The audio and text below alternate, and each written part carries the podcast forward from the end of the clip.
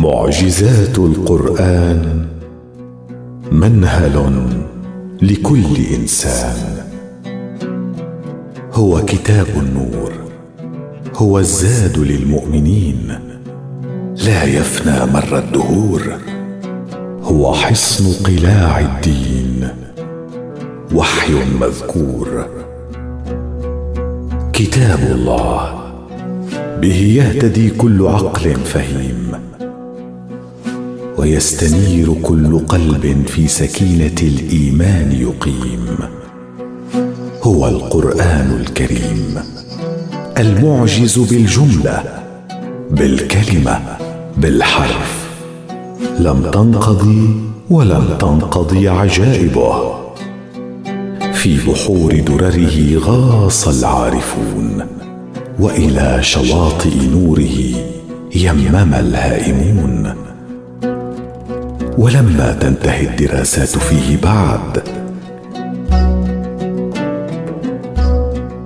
بل كلما ظهر فيه معنى عظيم زاد علمنا بمدى جهلنا بأسراره ومغانيه. وفقرنا بدرره ومعانيه. ففي بحور علم القرآن الكريم نغوص في رحلتنا. نغسل الروح بلمحات منه نورانية. ونتعبد الله بتدارس الفرائد القرآنية. رحلة هي زاد للروح وسبحات في عوالم نور القرآن الكريم. كتاب الله العظيم. فريدة من القرآن ونصوع البلاغة والبيان. هي الكلمة. هي المعجزة التي زود الله بها خير أنبيائه وأحبهم إليه. كان خليله فأعطاه دليله. الكلمة. وأي كلمة؟ إن هي إلا كلمات الله أوحى بها إلى رسوله الكريم محمد صلى الله عليه وآله وصحبه وسلم. فأضاء الدنيا بالكلمة واستنقذ القلوب من الظلمات إلى النور بالكلمة وغسل الأرواح في عوالم من عطر الإيمان المبخور بالكلمة. في الكلمة هامت أرواح ونفوس ونذرت قرائح عظيمة نالت عظمتها ببركة جهادها في حرم خدمة الكلمة التي أنزلها الله تعالى في سماه على عبده محمد رسول الله. فألفت كتب عظيمة تتناول الكلمة وورودها في القرآن الكريم. ومعناها في سياق الآي العظيم وبلاغتها ومرادها في السياق القرآني. وذابت قرائح العلماء تستغيث المعنى من الرسم المصور وتستنجد بالله أن يقدر لها الفهم المقدر فكيف نزلت الكلمة؟ فيما تكررت ها هنا وفيما ها هنا تفردت. إذ وردت بعض الكلمات في القرآن الكريم متفردة بالظهور مرة واحدة والفريدة في معناها العميق المنقطعة عن القرين أي التي لا مثيل لها ولا وزين ولا شبيه. وليس تفرد هذه الكلمات في القرآن الكريم إلا لغاية عظيمة ومؤدى كريم. وفي هذا البحر من بحور القرآن الكريم نحاول أن نغوص في هذا المقام لنتلمس بعض جوانب الإعجاز في الفريدة القرآنية. قال تعالى في سورة الشعراء بسم الله الرحمن الرحيم.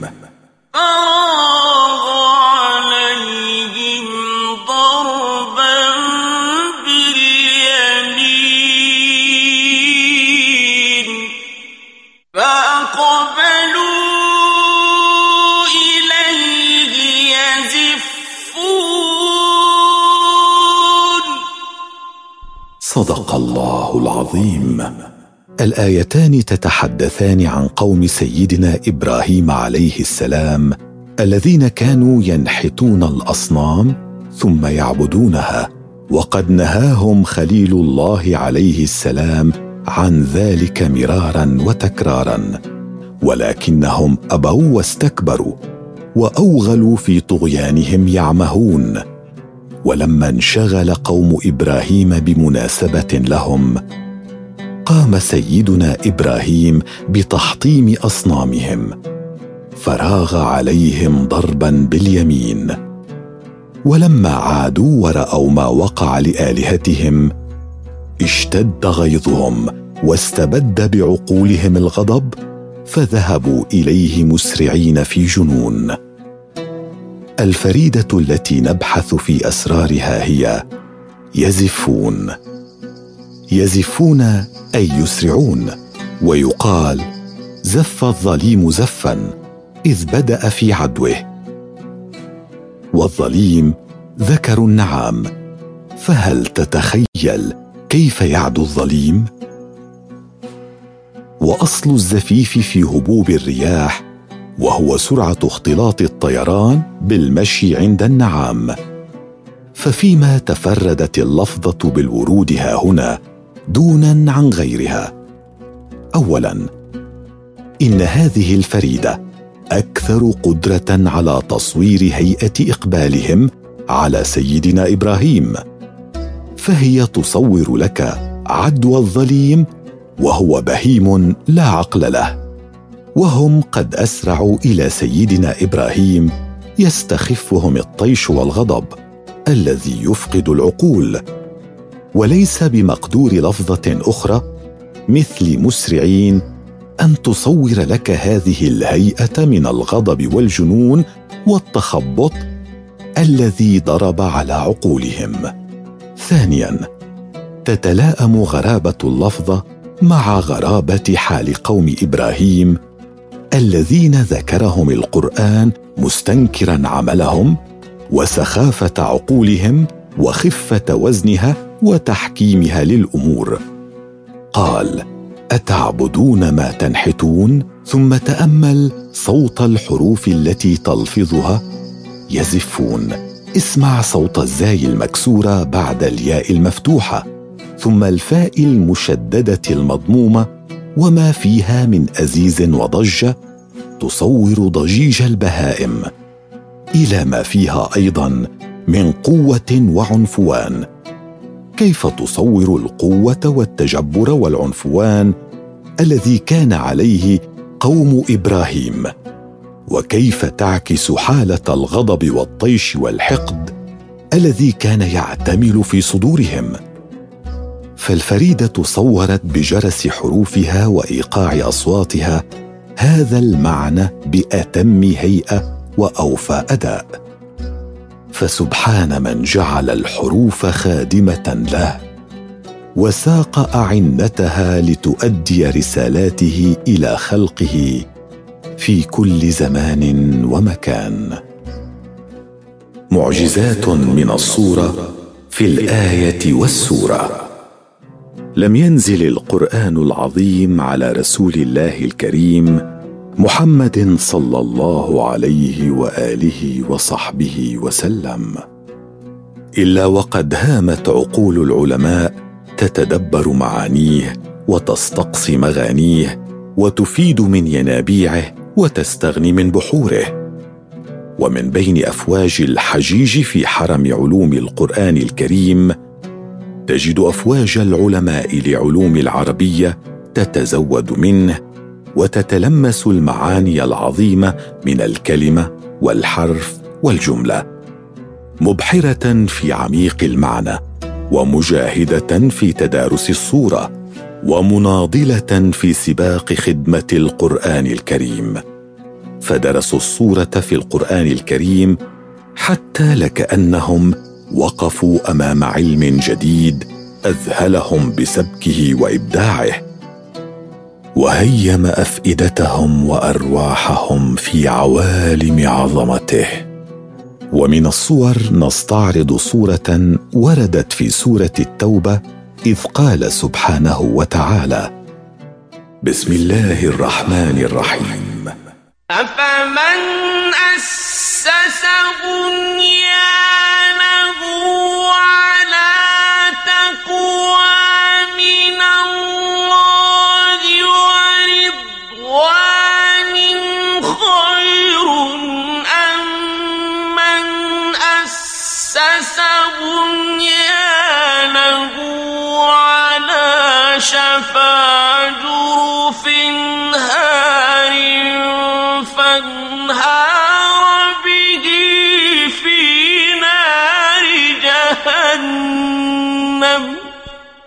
والله لا يهدي القوم الظالمين. صدق الله العظيم. تدور الآية في فلك المقارنة بين من يعيش حياته على الإيمان وتقوى الله وبين من يكفر بالله يبتغي في الحياة غير وجه الله الكريم. ولكن انظر الصورة. هو تشبيه لدرب الإنسان في الحياة وسلوكه فيها وعقيدته بالبنيان. فأين تبني؟ لا تسأل الآية ولا تلقن المعلومة بالتقرير المباشر. إنما تذهب إلى تصوير الدرب والمآل ورسم العمل وحصاده. طارحة السؤال عبر الصورة بين يدي الباب الأفهام والصدور. أيهما خير من يبني بنيانه على رواسخ لا تميد ولا تتحرك وهي ثابتة وقورة في الأرض غايتها تقوى الله ورضوانه؟ أم عند طرح الصورة المقابلة لا يذكر الآي الحكيم أن الكافر بنى بنيانه وهو يتبع الشيطان وغوايته مثلا بل ينقل هذا البناء إلى حيث يستقر به المطاف وترسو إليه الرحلة ولا استقرار له ولا رسو فانظر إنه يبني على شفا جرف هار أي مهاو يقيم عليها الإنسان بنيانه. تخيل ما بدا لك من أهوال إذ أنت تراك تبني ما ستسكن إليه روحك اخرا على حرف لجرف هار. والجرف الركايا التي ليس لها جول أي لم يقم حولها ما يمسكها ويدعمها ويثبتها ليس هذا فقط. أنت على حرف لا يمكنك أن تتخيل حرفا إلا وهو مقبل أو مشرف على واد سحيق أو حفرة عظيمة. وهو ما تصوره لك الأجواء النفسية في هذا المشهد. فأنت على حرف. وأي حرف؟ حرف قلق متزعزع لتربة لينة غير متماسكة ولا مثبتة ولا مدعمة. هل تنظر الأخطار التي تهول بك وبمصيرك؟ هل تسمع غير دقات القلوب المرتعبة من هذا الخطر؟ ربما قد تسمع صفير ريح أو تفورات النار المغتاظة. هل ترى هول إقامة هذا البنيان؟ إنك تنسى ها هنا درب الحياة للكافر. إذ تأخذ الصورة في الآية الكريمة بناصية عقلك وقلبك إلى المهوى الذي هو آخر مطاف حياة الكافر. وها هنا قوة تأثير في النفس تجعل كل سلوك لغير الله منطبعا فيه هذا المشهد المخيف. لعله يكون لك رادعا. هل هو شفى جرف فقط؟ هل هذا الجرف قلق متزعزع فقط؟ بل هو هار. إنه لابد منهدم. ولما كان الانهدام يكون في الأشياء الصلبة فإن كلمة هار تصور مدى اهتراء هذا الجرف اللين الذي تأخذه السيول وتجرفه المياه. وعند كلمة هار يتعاظم الرعب والهول ليصل إلى ذروته في التأثير في القلوب والأفهام ليأتي المشهد التالي على عجل غير معط مهله لاستيعاب أو التأقلم مع حجم هذا الخوف. انظر هذه الصورة الحركية مع شديد وطأتها وهول شدتها وعذاباتها ومهالكها. فانهار به في نار جهنم. مشهد يجعل النفس تسمع أصوات الانهيار وأصوات الاستغاثة. ساعة لا تنفع استغاثة. فالقدر محتوم. البنيان الباطل انهار. وهو يهوي بصاحبه في نار جهنم. هذه هي الحفرة أو الوادي السحيق الذي يتربص بمن يجهد نفسه وينفق عمره وهو يبني على شفا جرف هار. انظر كيف يختصر الله عز وجل في هذه الصورة وفي هذه المشاهد الحركية السريعة المتلاحقة باستخدام حرف الفاء.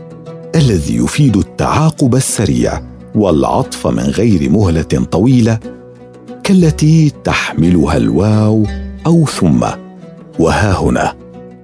الغاية هي تصغير شأن هذه الحياة مهما طالت إن هي قامت لغير وجه الله ورضوانه. صورة تعجل السقوط إلى مهاوي النار وتكيل على صاحبها شديد النقمة والعذاب الذي أعده الله للكافرين. فهل ترانا نتعظ ونعتبر على قدر الغاية المطلوبة؟ لو أن الكلام جاء مقررا غير مصور. علم الأكوان من بحور القرآن. هو الكتاب المحفوظ مر الدهور. تفنى الخلائق ويبقى قائما محفوظا مدى العصور. فأي أسرار أودعها الخلاق العظيم في كتابه الكريم حتى تيسر له أن يبقى مشعل هدى ونورا لكل من يسعى سعي المتعطش في الأرض لمعرفة ربه رب الأكوان خالق الأماكن والأزمان مالك الملك الملك الديان.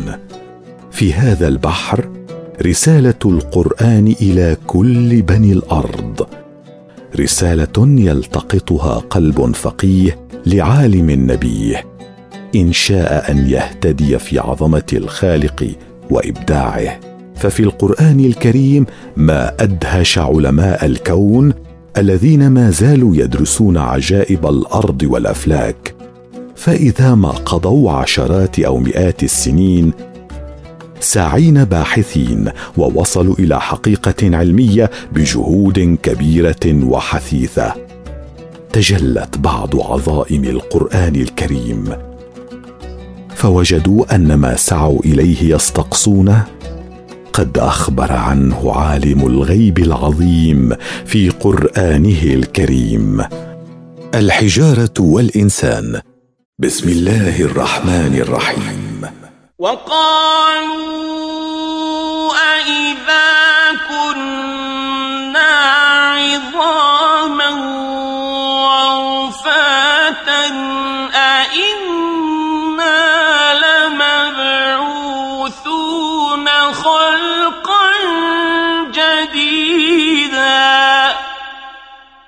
قل كونوا حجارة أو حديدا. صدق الله العظيم. إنها قدرة الله عز وجل على البعث من جديد. يثبت العلم الحديث أن جسم الإنسان يتكون من العناصر المكونة للتراب نفسها. فقد أكد العالم الجيولوجي فينوغرادوف عام 1933 ميلادية أن التركيب الكيميائي لكل الكائنات الحية يتشابه. لو أخذنا بعين الاعتبار عناصر مثل الكربون والهيدروجين والنيتروجين والفوسفور والكبريت وهي الحقيقة العلمية التي أتت عليها الآية القرآنية الكريمة السابقة. معارج الروح. إن الله أنار الكون بالكلمة ومن علينا بالكلمة وأنعم علينا بالكلمة. فنزل الوحي العظيم على رسول الله وحبيبه الكريم محمد صلى الله عليه وآله وصحبه وسلم. وفي سبحات عوالم الكلمة نتقرب إلى الله ربنا ببعض الأبيات قيلت في عظيم مقام القرآن الكريم. يا رب أكرم من يعيش حياته لكتابك الوضاء لا يتوانى. يا منزل الوحي المبين تفضلا. ندعوك فاقبل يا كريم دعانا.